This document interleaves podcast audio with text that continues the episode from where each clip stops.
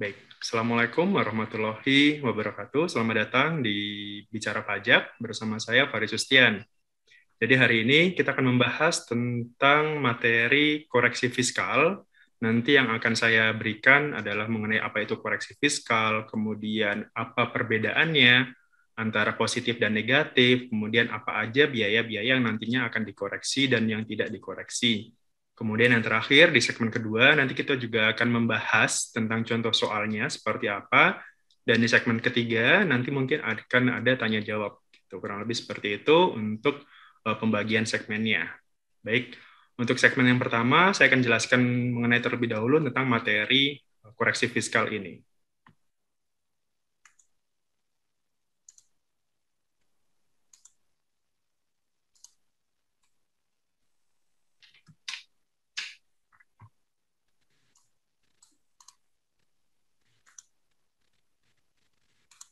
Oke, slide-nya sudah tayang, Bapak Ibu?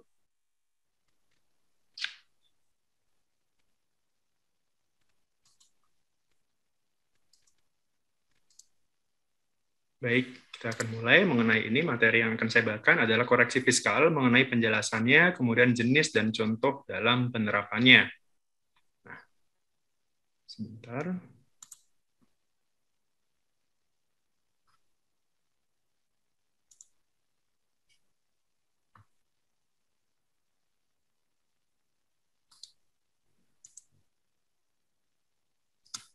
Oke, tentang kita mulai dari pengertiannya dulu. Jadi koreksi fiskal atau biasanya ya eh, kita sebutnya juga dengan rekonsiliasi fiskal adalah proses penyesuaian antara laba komersil yang berbeda dengan ketentuan fiskalnya untuk membentuk atau menghasilkan laporan laba neto sesuai dengan ketentuan pajak gitu. Artinya di sini adalah ini di, uh, dari Agus dan Trisna Wati tahun 2007 Nah, intinya adalah koreksi fiskal ini itu pasti akan ada perbedaan gitu. Jadi pada saat kita membuat laporan keuangan perusahaan, jadi pada saat kita telah membuat laporan keuangan ya, ya laporan laba rugi, neraca dan dan biasanya yang akan dikoreksi itu adalah laporan laba ruginya. Nah, dalam menyusun laporan laba rugi menurut akuntansi perusahaan, nanti ketika untuk pelaporan SPT, pelaporan di pajak, itu nanti akan ada penyesuaian di situ. Akan ada adjustment. Kira-kira biaya apa saja yang nanti akan di, tetap dikenakan, biaya apa saja yang nantinya akan dihapus atau dikoreksi. Jadi kurang lebih seperti itu untuk uh, apa namanya penjelasan dari koreksi fiskal itu. Nah, berikutnya adalah Fungsinya tadi eh, setelah tadi pengertian, fungsinya adalah rekonsiliasi fiskal. Fungsinya adalah mem, apa koreksi pajak mempunyai fungsi sebagai penyesuaian terhadap transaksi-transaksi sesuai dengan akuntansi keuangan dan peraturan dalam perpajakan yang berlaku. Kita tahu ya bahwa bisa jadi apa yang dibiayakan, apa yang menjadi pendapatan atau biaya di komersil itu bisa jadi nanti disesuaikan di adjustment antara di akuntansi dengan di pajak gitu. Jadi ada beberapa pasal, ada beberapa biaya yang meng, memang mengharuskan bahwa oh ternyata biaya ini tidak boleh loh jadi pengurang, oh ternyata biaya ini loh boleh jadi pengurang gitu. Dalam hal ini kita mengenal adanya deductible expense dan non deductible expense gitu. Biaya yang dapat dibebankan dan biaya yang tidak dapat dibebankan gitu. Nah, kita harus memilah-milah antara biaya yang dapat dibebankan dengan biaya tidak dapat dibebankan. Maka itulah namanya uh, apa fungsi dari rekonsiliasi fiskal itu, memilah-milah mana yang boleh jadi pendapatan, mana yang harus dikoreksi. Nah, kemudian latar belakangnya, latar belakang kenapa bisa terjadi perbedaan itu antara komersil uh, akuntansi ya, antara akuntansi perusahaan atau komersil dengan laba rugi fiskal. Yang pertama adalah adanya penghasilan yang bukan objek pajak gitu. Kita tahu ya bahwa bahwa apa penghasilan itu kan dibedakan menjadi tiga gitu. Penghasilan yang merupakan objek pajak, kemudian penghasilan yang merupakan objek pajak yang sifatnya final, dan juga eh, penghasilan yang merupakan bukan objek pajak gitu. Contohnya kalau yang bukan objek pajak ya contohnya sekarang kalau untuk perusahaan dividen misalkan dengan adanya cipta kerja sekarang ini penerimaan dividen atau pendapatan dividen itu kan bukan lagi uh, apa penghasilan yang kena uh, kena pajak gitu, bukan lagi objek pajak kalau dividen sekarang. Kemudian yang sifatnya final. Contohnya bunga deposito, sewa tanah dan bangunan, kemudian apa penjualan tanah dan bangunan itu semuanya PPA final. Sementara kalau yang sifatnya non final, yang penghasilan objek biasa, ya penghasilan dari usaha, kemudian gaji, tunjangan kalau dia orang pribadi. Nah, itu adalah perbedaan antara tadi ya eh, objek, non objek dan final. Kemudian uh, itu dari sisi pendapatannya. Kalau dari si kalau apa dari sisi biayanya, biaya itu kan tadi ya ada yang non deductible expense, ada yang deductible expense. Ada yang boleh dijadikan pengurang, ada yang tidak boleh jadi pengurang di situ. Nah, nanti kita akan membahas tentang biaya apa saja yang boleh jadi pengurang dan biaya apa saja yang tidak boleh jadi pengurang. Seperti itu. Jadi yang akan kita pelajari nanti adalah seperti itu. Nah, setelah dari latar belakangnya, kita akan membahas tentang jenis koreksi fiskalnya. Secara umum, koreksi fiskal itu ada dua, gitu. Koreksi positif dan juga koreksi negatif. Sederhananya, untuk memahami ini adalah ketika koreksinya itu positif, artinya apa? Koreksinya itu akan menambah laba, menambah laba fiskal. Dengan cara apa? Oh, kalau labanya bertambah, otomatis apa yang berkurang? Biayanya. Jadi dalam hal ini, ketika labanya bertambah, otomatis yang dikoreksi adalah dari sisi biayanya. Sebagian besar koreksi positif itu ada di biaya biasanya. Gitu. Jadi kurang lebih itu untuk untuk sederhananya adalah memahami koreksi fiskal positif. Artinya labanya bertambah, kalau laba bertambah apa? Otomatis biayanya ikut berkurang.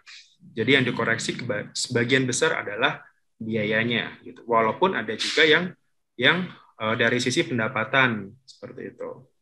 Itu yang yang uh, yang sering terjadi ya. Jadi yang kita koreksi itu lebih dari sisi biaya. Jadi biayanya berkurang. Awalnya katakanlah biayanya 100 berkurang menjadi 70 misalkan. Koreksinya berapa? Berarti koreksinya adjustment-nya adalah 30 juta. Jadi yang awalnya komersil 100 koreksinya 7 eh, koreksinya 30, maka yang di fiskalnya berkurang menjadi 70.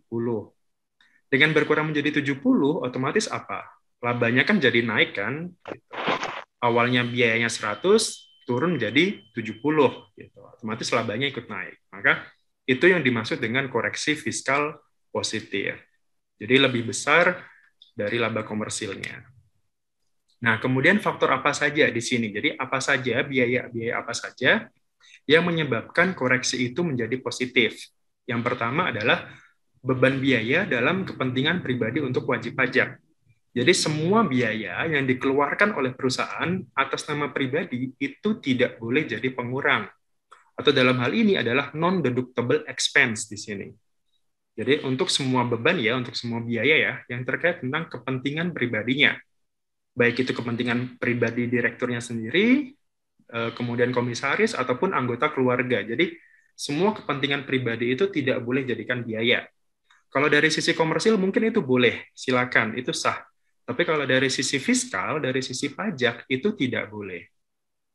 Gitu. Kemudian imbalan atau penggantian terkait dengan pekerjaan atau jasa ini yang biasanya terkait kalau misalkan dia final misalkan.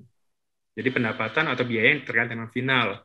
Dana cadangan. Nah, untuk dana cadangan dalam dalam sisi fiskal, dana cadangan ini tidak tidak terpakai jadi uh, tidak boleh, tidak boleh digunakan istilahnya. Jadi ketika kita mencadangkan sebuah dana cadangan untuk katakanlah piutang tak tertagih misalkan, mencadangkan piutang tak tertagih, mencadangkan biaya-biaya lain-lain atau biaya-biaya yang sifatnya uh, apa untuk walaupun itu untuk menagih ya, walaupun itu untuk kepentingan usaha, tapi kalau dia sifatnya cadangan, cadangan biaya itu tidak boleh. Karena yang boleh adalah realisasi biayanya berapa. Jadi kalau kita mencadangkan piutang katakanlah 100 juta misalkan. Untuk piutang yang kira-kira tidak tertagih. Ternyata dalam satu tahun yang realisasi yang benar-benar tidak dapat ditagih itu hanya katakanlah dari 100 tadi katakanlah hanya 70 juta. Maka yang dikoreksi adalah yang 30-nya tadi. Jadi yang benar-benar terrealisasi dalam piutang tak tertagih itu berapa? Jadi dana cadangan ini tidak boleh. Gitu.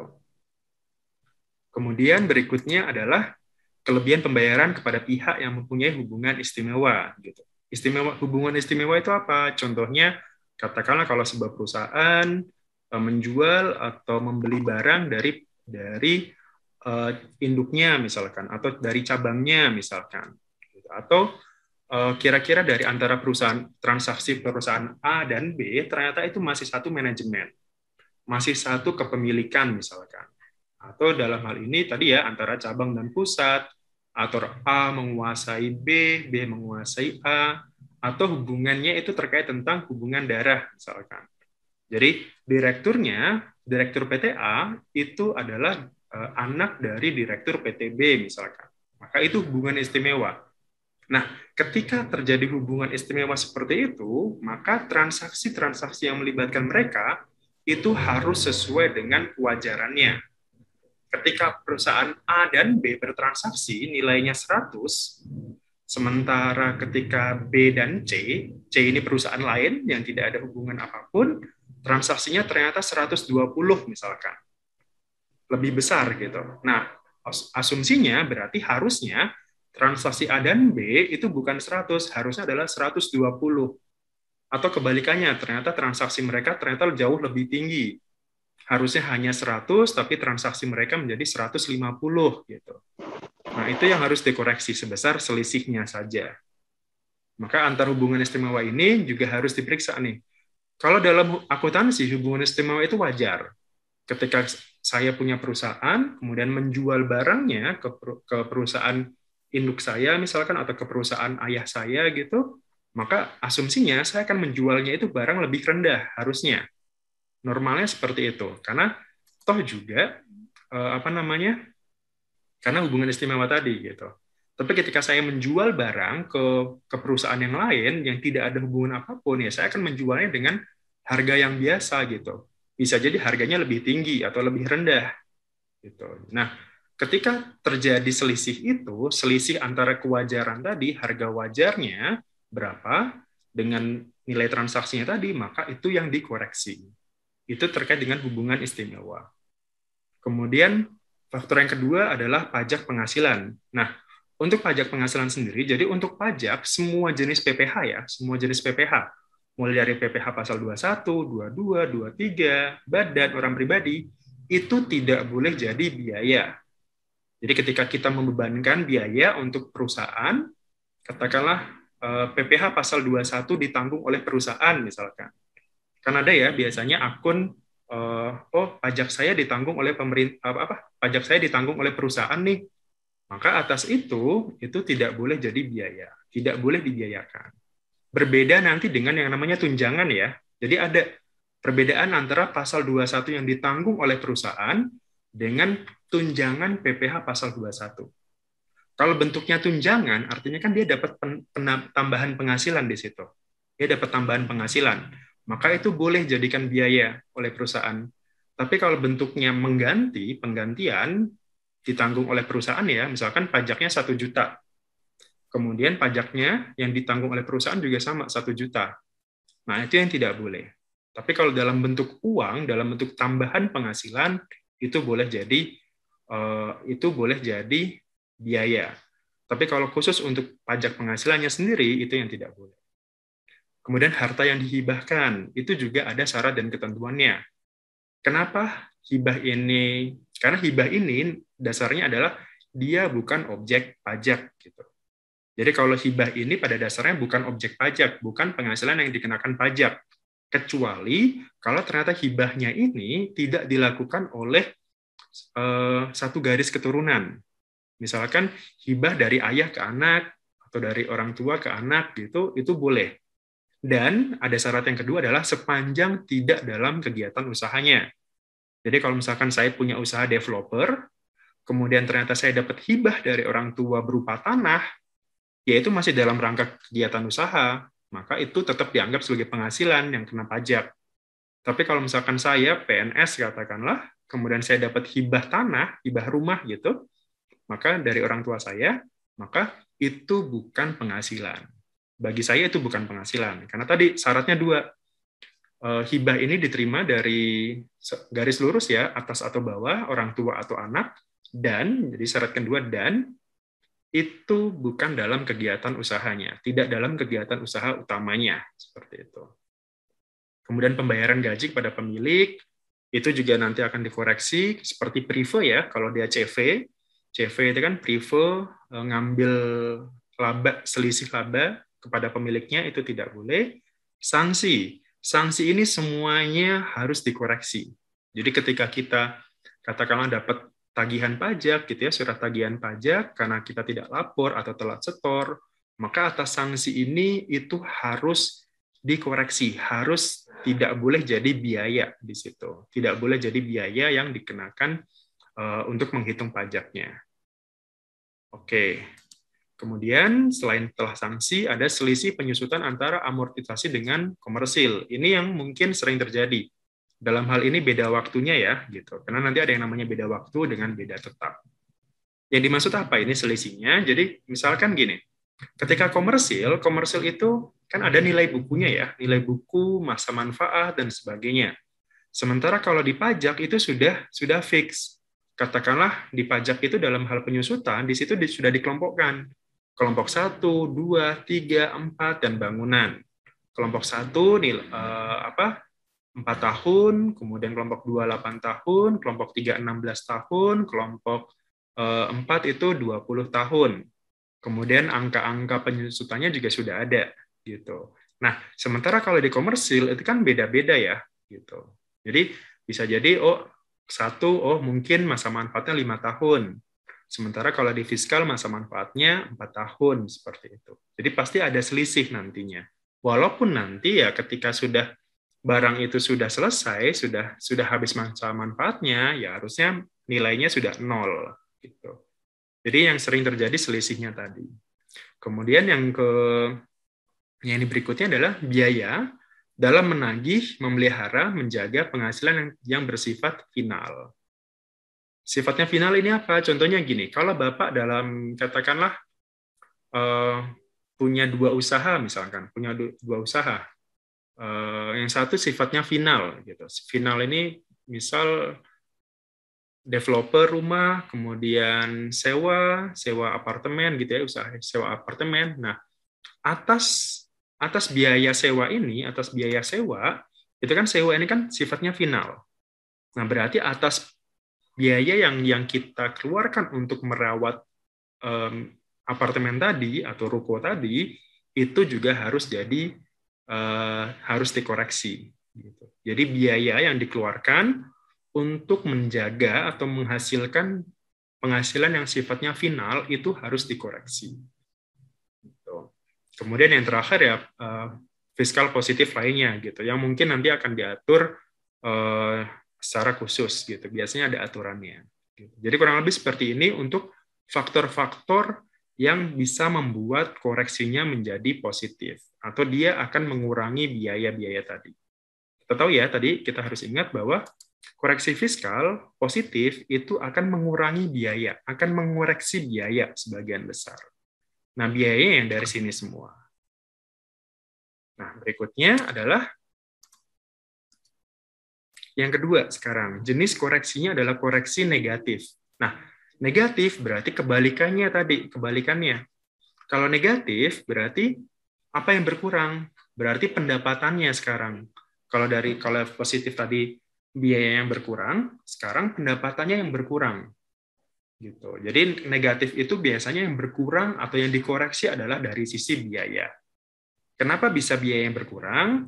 Karena ini bisa jadi ya, pertama karena bisa jadi selisih tadi ya, selisih komersil dengan fiskal. Bisa jadi. Itu sangat mungkin.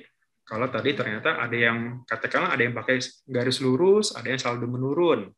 Atau tadi masa, manfaatnya berbeda dengan antara komersil dengan fiskal. Kemudian yang kedua adalah ini. Pendapatannya, misalkan dari sebuah perusahaan ya, misalkan sebuah perusahaan, dia punya sumber penghasilan banyak dari kegiatan usaha, kemudian dari sewa rukonya gitu. Dia punya ruko, kemudian disewakan. Dia punya mobil, disewakan. Dia punya tanah eh, apa dijual misalkan. Dia punya aset dijual atau dia punya bunga deposito atau saham misalkan. Nah, itu kan harus kita pilih-pilih. Mana tadi ya? Jadi, pertama untuk mengidentifikasi adalah kita harus pilih dulu nih. Semua jenis penghasilannya itu nanti kategorinya apa? Apakah final, non-final, atau non-objek pajak. Gitu. Contohnya tadi, kalau dari kegiatan usaha, oh oke, okay, itu non-final, masuk. Penghasilan dari sewa ruko, oh itu final, harus dikoreksi, tidak boleh Penghasilan dari bunga deposito final harus dikoreksi. Kemudian apalagi eh, tanah dan bangunan tadi penjualan tanah. Oh itu final juga harus dikoreksi. Sewa mobil non final tidak perlu dikoreksi. Kemudian penjualan aset, penjualan aktiva, mesin misalkan. Uh, apa final nggak? Oh nggak, berarti masuk boleh masuk. Gitu. Jadi kita harus identifikasi dulu nih mana yang penghasilannya final, non-final, dan non-objek. Nah, baru nanti yang final dan non-objek tadi itu harus dikeluarkan dari sisi pendapatannya, dari sisi penghasilannya.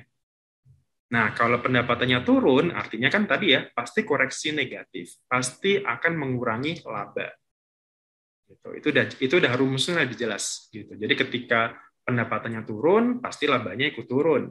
Ketika biayanya turun, maka labanya yang naik gitu. Jadi Biaya turun, laba naik, koreksi positif. Pendapatan turun, laba ikut turun, berarti koreksinya negatif. Gitu. Jadi itu yang harus diingat dalam hal koreksi fiskal. Nah, kemudian contoh koreksi negatifnya apa? Tadi ya, penghasilan yang sifatnya final. Undian ini sifatnya final di sini. Kemudian transaksi saham juga final. Pengalian harta Eh, contohnya katakanlah tanah dan bangunan misalkan itu juga final. Berupa penghasilan berupa deposito dan tabungan, ini juga final semua. Contoh lain misalkan tadi ya penghasilan dari hibah misalkan. Penghasilan dari hibah itu juga eh, koreksinya harus eh, dicoret gitu. Penghasilan dari warisan misalkan itu juga harus dicoret. Jadi kalau yang tadi ya, sifatnya final dan non-objek itu harus dikoreksi, harus dikoreksi negatif. Oke, nah untuk pembedaannya ya, pembedaan laporan komersil dengan fiskal itu ada dua yang tadi. Yang pertama adalah beda tetap. Beda tetap itu apa? Yang pasti udah berbeda gitu. Jadi tetap itu biaya-biaya yang dikeluarkan oleh perusahaan itu yang sudah pasti akan dikoreksi di sisi fiskalnya. Jadi sudah pasti berbeda. Biaya-biaya yang sudah pasti akan dicoret, akan dikoreksi kalau kita masuknya ke fiskal. Contohnya apa? Tadi ada biaya untuk PPH misalkan, itu sudah pasti dicoret. Sumbangan, sumbangan ini nanti akan ada case khusus ya terkait tentang eh, misalkan kalau kita nyumbangnya untuk kegiatan bencana nasional atau tadi yang sekarang ini terjadi misalkan terkait sumbangan terhadap COVID misalkan Eh, sumbangan eh, kepada BNPB atau terkait dengan corona itu nanti ada case khususnya. Itu bisa dibiayakan. Kemudian biaya terkait sanksi itu juga pasti akan dikoreksi gitu. Udah pasti akan dikoreksi gitu. Jadi ini sudah jadi kalau dari sisi komersil ini boleh ini boleh kalau dari sisi komersilnya, tapi kalau dari sisi fiskalnya dari fiskalnya itu yang tidak boleh.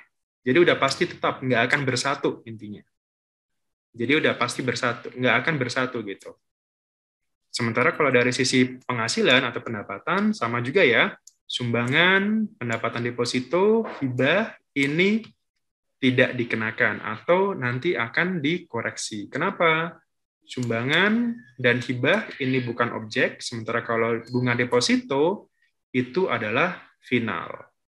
Gitu. Jadi, jadi kalau dari sisi pendapatan juga sama, dari sisi biaya juga harus sama. Jadi kita bedakan antara final, non-final, dan non-objek pajak. Nah, berikutnya, selain beda tetap tadi, ada juga yang beda waktu. Beda waktu ini apa? Beda waktu ya berarti hanya masalah pengakuan saja. Hanya masalah waktu saja, hanya masalah, oh mungkin saat ini berbeda, tapi nanti akan sama misalkan. Eh, dari sisi pendapatannya ya, atau dari sisi biayanya. Contohnya di sini biaya sewa misalkan. Katakanlah kalau di kalau di uh, komersil ketika kita sewa misalkan, ketika kita sewa sebuah ruko, nilainya katakanlah dalam eh, kita sewa selama dua tahun gitu.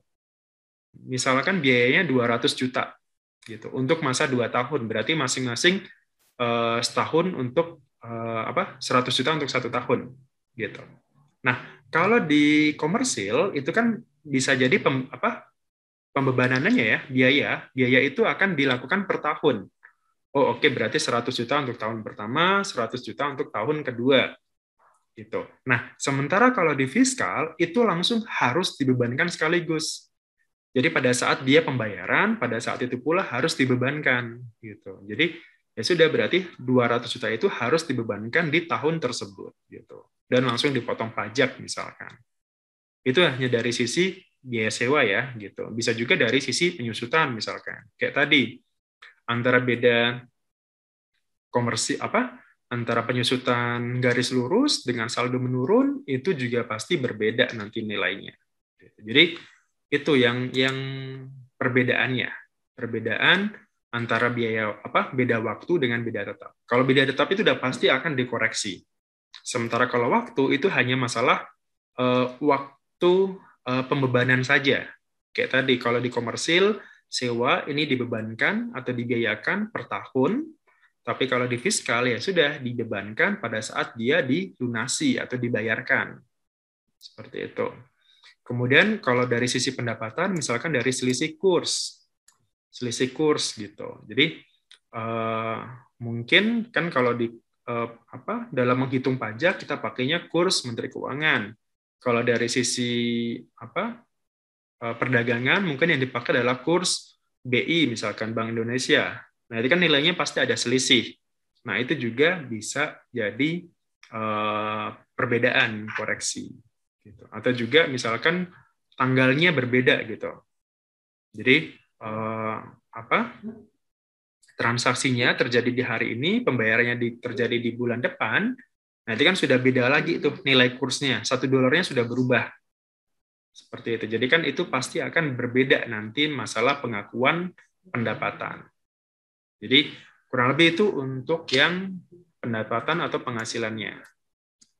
Nah, ini adalah tabel-tabel yang mungkin Bapak Ibu bisa nanti gunakan. Kira-kira ini uh, masuknya negatif atau positif tadi koreksinya. Ini sekedar alat bantu saja ya di sini. Jadi tidak tidak mesti ini pasti akan koreksinya positif atau negatif atau bahkan tidak dikoreksi uh, apa atau bahkan tidak dikoreksi. Jadi ini hanya masalah Eh, hal-hal uh, yang yang biasa gitu.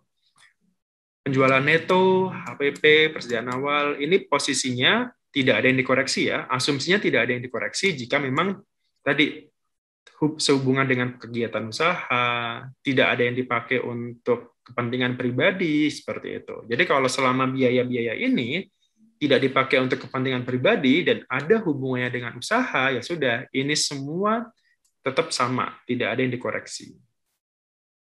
Kemudian beban usaha juga sama, di sini ada terkait upah, tunjangan PPh gitu. Nah, ini ya yang yang perlu dibedakan. Kalau sifatnya tunjangan itu tidak perlu dikoreksi karena dia menambah pendapatan pegawai. Tapi kalau PPh-nya itu ditanggung oleh perusahaan atau sekarang ditanggung oleh pemerintah ya, misalkan, maka itu harus dikoreksi di sini. Koreksinya positif, jadi di sini jadi nol gitu. Jadi kalau ditanggung itu koreksi, tapi kalau dalam bentuk tunjangan itu tidak perlu dikoreksi. Tunjangan dalam bentuk uang juga tidak perlu. Premi asuransi yang dibayarkan ke karyawan itu tidak masalah. Tunjangan hari raya juga tidak masalah. Uang lembur, nah ini juga pengobatan di sini. Kalau yang sifatnya gratis, cuma-cuma, misalkan gini, eh, katakanlah misal perusahaan membagikan membagikan obat-obatan gitu, membagikan obat-obatan ke seluruh pegawainya gitu. Atau medical check up gratis misalkan untuk seluruh karyawannya. Nah, itu tidak boleh dikoreksi. Kenapa? Karena sifatnya natura, sifatnya fasilitas di situ. Tidak boleh. Beda cerita kalau sifatnya penggantian. Misalkan dia tes web bisa atau PCR atau apa gitu, antigen misalkan, antigen ke karyawan. Karyawan bayar dulu, baru nanti di reimburse ya, istilahnya di reimburse ke perusahaan. Maka itu boleh jadi biaya. Tapi kalau yang cuma-cuma, misalkan ke seluruh karyawan antigen misalkan, tanpa terkecuali, maka karena itu fasilitas, itu bentuknya natura, maka dia tidak boleh jadikan biaya. Sementara ada juga yang misalkan ada tunjangannya, misalkan tunjangan eh, kesehatan seperti itu, maka itu boleh jadi biaya. Jadi yang tidak boleh itu hanya yang ini ya, yang sifatnya fasilitas atau yang tadi ya, yang eh, apa medical check up bersama misalkan. Kemudian di sini imbalan dalam bentuk natura. Natura ini bisa berupa barang ya, bisa berupa barang, bisa berupa fasilitas. Kayak tadi misalkan eh, perusahaan membagikan sembako kepada seluruh karyawannya misalkan. Atau membagikan obat-obatan kepada seluruh karyawannya. Nah, karena dia bentuknya natura atau fasilitas, maka dia tidak boleh jadi biaya di situ. Jadi harus dikoreksi positif di sini.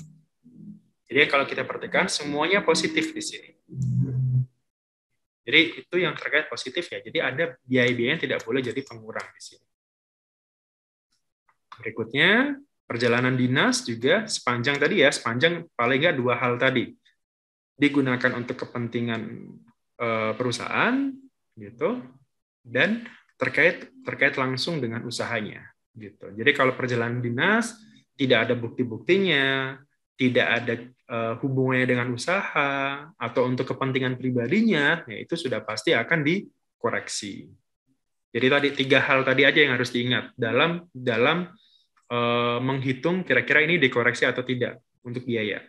Apakah ini dikeluarkan untuk kepentingan perusahaan, untuk kepentingan usahanya?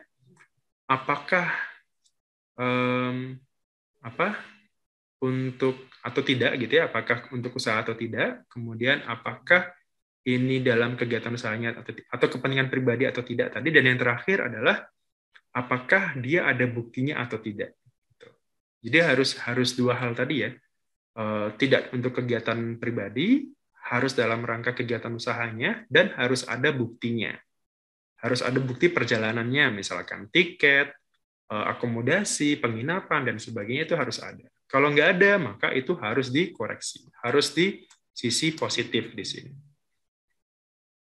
Ya, seminar, diklat juga sama, uang saku pegawai diklat juga sama. Nah, kendaraan di sini, kendaraan, kenapa di sini 50%? 50% ini hanya untuk kendaraan direksi. Gitu. Jadi kalau misalkan direkturnya eh, mobilnya mogok misalkan khusus untuk direktur ya direksinya mobilnya mogok kemudian diperbaiki maka atas perbaikan itu yang boleh jadi biaya hanya 50 persennya. Jadi tidak boleh semua. Jadi hanya 50 persen saja. Termasuk juga untuk pemakaian handphone. Jadi misal perusahaan eh, membagikan fasilitas handphone untuk marketingnya misalkan. Nah, marketing itu kan pasti akan um, pasti akan uh, apa keliling-keliling ya, pasti akan digunakan untuk nelpon dan sebagainya.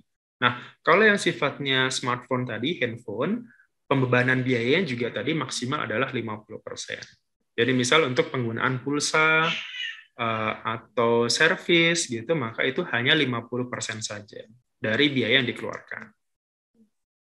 Kemudian beban bunga ini boleh, sanksi tadi ya, sanksi dia tidak boleh, harus dikoreksi. Beban promosi, atau uh, jamuan makan malam. Yang sejenis itu ya biaya promosi biaya pemasaran uh, atau istilahnya apa biaya entertain itu sama semua gitu. Nah kalau seperti itu tadi ya syaratnya tetap harus tiga hal tadi. Terkait dengan kegiatan usaha tidak dilakukan untuk kepentingan pribadi dan punya bukti buktinya atau ada daftar nominatifnya gitu jadi di sini harus ada daftar nominatif atau bukti-buktinya tadi dan ada hubungannya dengan usaha. Kalau tidak ada hubungan tadi, maka dia tidak boleh. Gitu. Jadi harus ada kumulatif tadi. Daftar nominatif atau bukti-buktinya tadi plus kemudian ya tadi hubungannya dengan kegiatan usaha dan tidak dalam rangka untuk kepentingan pribadi. Oke. Berikutnya juga ini ada beban alat kantor, ini biasa. Beban listrik, PBB pajak daerah itu boleh tadi ya sepanjang PBB untuk kantor misalkan itu boleh. Tapi kalau PBB-nya untuk rumah pribadi, untuk mes karyawan pribadi gitu atau direksinya itu tidak boleh. Tapi kalau PBB eh, PBB untuk kantor itu boleh. Pajak daerah semua pajak daerah boleh. Misalkan pajak reklame, pajak restoran, pajak uh, hiburan dan sebagainya, pajak daerah boleh jadi biaya, boleh dibebankan. Kemudian sumbangan di sini. Sumbangan yang tidak boleh adalah sumbangan yang yang tidak dalam uh, bencana nasional. Contohnya apa? Uh, kalau COVID itu boleh sekarang. Makanya kan kemarin uh, apa namanya di PMK 83 gitu PMK 83 itu ada salah satu untuk materi nanti akan saya share dan untuk ini juga sudah saya record ya rekamannya jadi nanti silakan recordnya bisa um, bisa diperhatikan lagi. Oke. Nah, untuk sumbangan, sumbangan tadi ya. Sumbangan yang boleh dijadikan biaya adalah sumbangan yang terkait bencana nasional. Contohnya bencana nasional itu kalau dulu ada tsunami, gempa Jogja, terus sekarang ini COVID gitu. COVID itu boleh. Jadi sumbangan ini boleh jadikan biaya. Yang tidak boleh apa? Contohnya misal kalau Eh, kita sumbangan dalam rangka HUT kemerdekaan misalkan.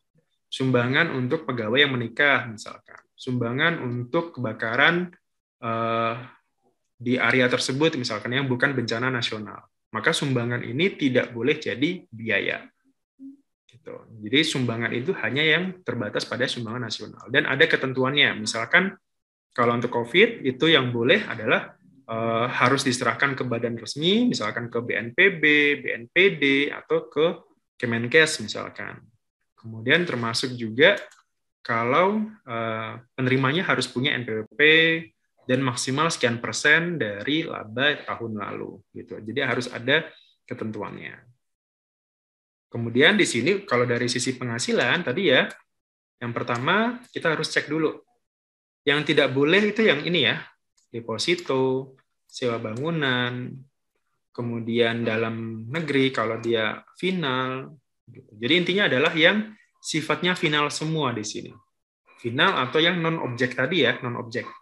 Ingat ya, untuk tahun 2020 mulai 2020 November itu dividen yang diterima oleh badan itu bukan lagi objek pajak gitu. Bukan lagi objek pajak. Jadi tidak dikenakan PPh pasal 23 sekarang. Gitu. Mulai per 20 November 2020 sejak sejak adanya Cipta Kerja. Oke, kurang lebih itu untuk sesi pertama terkait tentang materi koreksi fiskal. Ini adalah akun sosial media saya, silakan hubungi untuk nomor WhatsApp saya ada di nomor tersebut. Kemudian mungkin bagi Anda Bapak Ibu yang belum follow atau subscribe channel YouTube saya ada di Farisustian Bicara Pajak. Kemudian Instagram itu bicara pajak.id atau podcast di bicara pajak podcast. Jadi kurang lebih seperti itu. Kemudian eh, kita akan masuk ke sesi yang ke kedua. Sebelum itu juga ini eh, kemarin kalau masih karena ini sebenarnya untuk kelas ini eh, saya sediakan gratis, saya sediakan gratis, jadi tidak tidak donasi pun juga nggak masalah. Tapi kalau anda mau berdonasi untuk kepentingan atau pengembangan channel YouTube saya atau channel yang lain silakan. Oh ya ini ini 445 ya maaf. Gitu. Jadi ini adalah nomor uh, nomor saya termasuk WhatsApp tadi ya. Jadi 0877 triple 88 Kemudian ini adalah uh, rekening BCA saya. Oke. Okay. Terima kasih atas waktunya. Mohon maaf kalau ada kekurangan atau dalam hal penyampaian ada yang kurang berkenan. Oke, setelah ini saya akan lanjut untuk sesi berikutnya terkait tentang contoh soalnya. Tapi sebelum itu, eh, silakan barangkali kalau ada pertanyaan terkait koreksi fiskal. Silakan Bapak Ibu, silakan raise hand terlebih dahulu.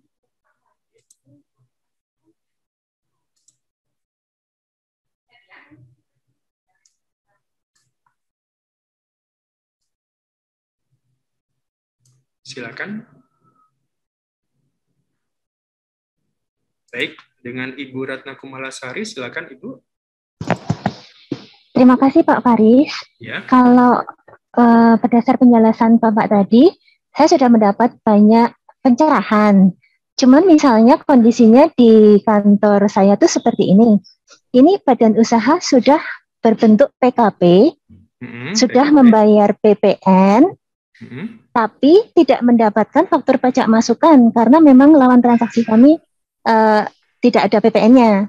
Nah, okay. PPN itu kan kami bayarkan ke negara. Apakah PPN tersebut boleh dibiayakan atau harus dikoreksi? Terima kasih Pak Faris. Oke. Pajak masukannya atau pajak keluarannya Ibu tadi yang dikoreksi? Pajak keluaran. Pajak keluaran. Kalau pajak keluaran eh, itu ya bukan koreksi ya, tidak dikoreksi kan itu bukan biaya gitu. Jadi gini, kalau terkait PPN itu kan tadi misalkan perusahaan ibu adalah PKP. Nah kemudian ibu eh, terima pajak faktur masukan nggak tadi? Nggak terima ya? Tidak. Nggak. Tidak. Nah berarti ya tidak ada yang perlu dikoreksi gitu tidak ada yang perlu di karena yang yang boleh dijadikan biaya adalah kalau kita terima misalkan gini eh, perusahaan kita PKP kemudian saya dapat faktur pajak misalkan saya dapat faktur pajak dari pembeli apa dari penjual yang membeli barang eh sorry pada saat kita membeli barang gitu pada saat kita membeli barang kan dapat faktur pajak masukan ya gitu normalnya kalau dengan PKP tapi di sini Ibu kan tadi tidak mendapatkan faktor pajak masukan. Nah, kalau seperti itu ya tidak ada tidak ada yang dikoreksi kalau seperti itu Ibu gitu. Kecuali kalau misalkan Tapi kan tiap bulan kami membayar PPN. PPN itu berbeda gitu. Kalau PPN kan hubungannya dengan uh, eh, PPN gitu. Kita bicaranya di PPH di sini, PPH badan. Oh. Jadi kalau PPN mekanisme PPN kan pajak keluaran dikurangi pajak masukan. Pajak keluaran adalah pajak dari faktur yang kita keluarkan, dari faktur yang kita jual, dikurangi dengan faktur yang sudah kita terima, ya kan? Yang sudah kita terima. Kebetulan ternyata faktur yang kita terima ini dari pembelian ini nggak ada. Karena pembeli apa? Karena semuanya non PKP misalkan. Jadi saya nggak terima faktur nih, saya nggak terima faktur, tapi saya mengeluarkan faktur. Nah, kalau seperti itu kasusnya ya otomatis pasti ibu akan selalu bayar PPN. Nah, cuman pertanyaan ibu tadi, PPN ini apakah boleh dikreditkan atau tidak gitu kan? Boleh dibiayakan atau tidak gitu kan? Nah, jawabannya adalah tidak gitu. Gitu. Karena itu untuk pajak keluarannya. Tapi kalau dari sisi pajak masukannya boleh boleh dibiayakan sepanjang belum dikreditkan. Jadi kalau misalkan saya terima nih, misalkan ibu perusahaannya katakanlah eh, apa misalkan kemudian saya dapat faktur nih saya dapat faktur nilainya 10 juta nah 10 juta ini faktur pajak masukan saya nah faktur pajak masukan saya ini nggak saya kreditkan di PPN di SPT masa PPN nggak saya kreditkan kan ada pilihan ya pada saat kita ke e-faktur itu kan ada pajak masukan yang dapat dikreditkan dan pajak eh, pajak masukan yang tidak dapat dikreditkan Kan ada ya dua itu pilihannya masuk ke B2 atau B3. Nah, kalau kita masukkan ke B3, pajak masukan yang tidak dapat dikreditkan, maka itu boleh boleh dibiayakan, boleh dijadikan biaya di laporan keuangan kita. Dimasukkan di katakanlah biaya pembelian misalkan atau di HPP gitu. Maka itu boleh jadi biaya. Gitu. Tapi kalau kita tidak terima itu, tidak kita tidak pernah terima faktur pajak masukan, ya nggak ada yang dikoreksi. Gitu. Pajak penjualan itu nggak boleh dikoreksi. Seperti itu, Bu. Terima kasih, Bapak. Sama-sama. Kemudian ini dari yang Oke, ini dari Ibu Dina. Apakah biaya dinas termasuk hotel, tiket, biaya makan selama dinas dikoreksi? Tadi ya, sudah. Untuk biaya dinas, tadi harus memenuhi syarat tadi.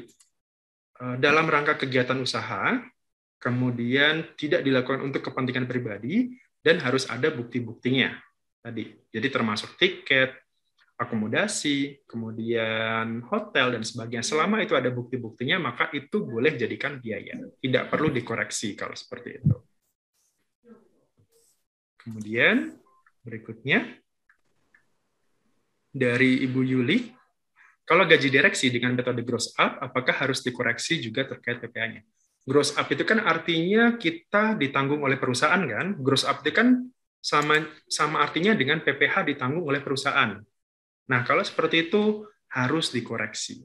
Jadi yang tidak boleh itu adalah PPh yang ditanggung oleh perusahaan. Tapi kalau PPh-nya itu sifatnya jadi tang, uh, jadi tunjangan, jadi tambahan penghasilan, itu tidak perlu, tidak perlu dikoreksi. Jadi gross up itu sama sama artinya dengan PPh yang ditanggung oleh perusahaan. Jadi pajak saya berapa, itu yang dibayarkan oleh perusahaan. Itu kan metode gross up. Nah, kalau seperti itu, itu yang nggak boleh. Yang boleh adalah, misalkan penghasilan saya berapa, ditambah dengan tunjangan PPh, misalkan, tunjangan PPh saya itu, misal,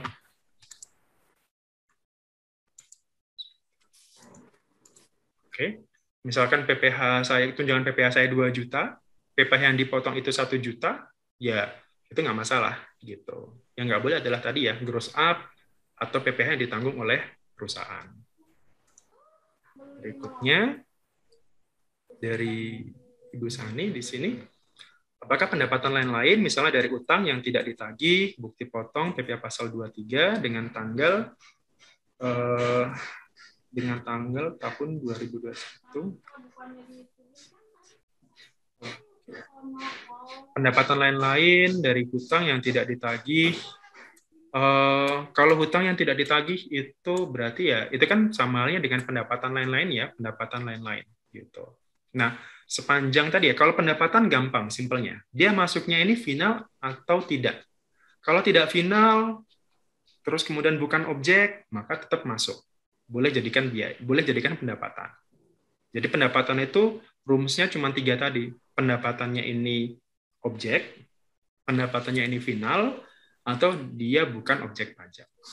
Kalau ini kan pendapatannya dari hutang yang tidak eh, istilahnya kan berarti pendapatan dari eh, dari apa dari utang yang tidak jadi gitu kan tambahan penghasilan dari situ maka ya itu jadi jadi penghasilan yang dikenakan objek pajak kemudian bukti potong katakanlah tahun 2001 karena 2000 tidak diberikan oleh customer dan sudah dibiayakan tahun lalu. Uh, untuk perbedaan pengakuan seperti ini biasanya adalah uh, sebaiknya lakukan pembetulan saja gitu, pembetulan SPT tahunan seperti itu. Jadi biar biar nanti matching gitu. Jadi biar uh, pendapatannya ini sesuai dengan tanggal katakanlah bukti potongnya misalkan.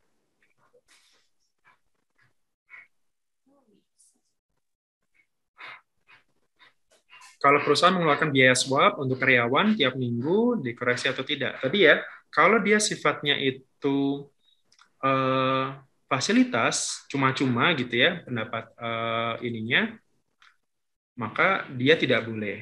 Tapi kalau dia reimburse itu boleh jadi biaya. Jadi kalau apa biaya tadi ditanggung oleh perusahaan itu kan perusahaan kan Eh, memberikan fasilitas ya suap gratis ke seluruh karyawan misalkan. Itu kan natura.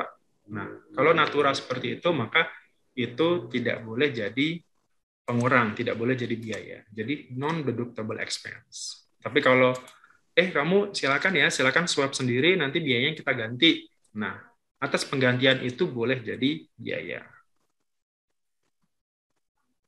Oke kurang lebih itu untuk pertanyaannya Uh, silakan yang lain. Untuk vaksinasi juga sama ya, gitu. Vaksinasi untuk saat ini karena belum ada aturan mengenai itu ya, yang ada aturan itu baru sumbangan, sumbangan yang terkait COVID itu boleh jadi biaya. Sementara kalau vaksinasi untuk uh, karyawan itu saat ini sepertinya belum ada ya. Jadi tetap tidak boleh dibiayakan. Kecuali tadi ya, Gimana ini? Oke. Kemudian kategori yang tidak bisa dijadikan sebagai bencana nasional. Bencana nasional itu sudah pasti ada, biasanya ada ketentuannya, ada uh, peraturannya. Jadi Menteri Keuangan itu akan membuat aturan apakah bencana ini bisa dijadikan bencana nasional atau tidak. Gitu. Terakhir itu ya corona ini.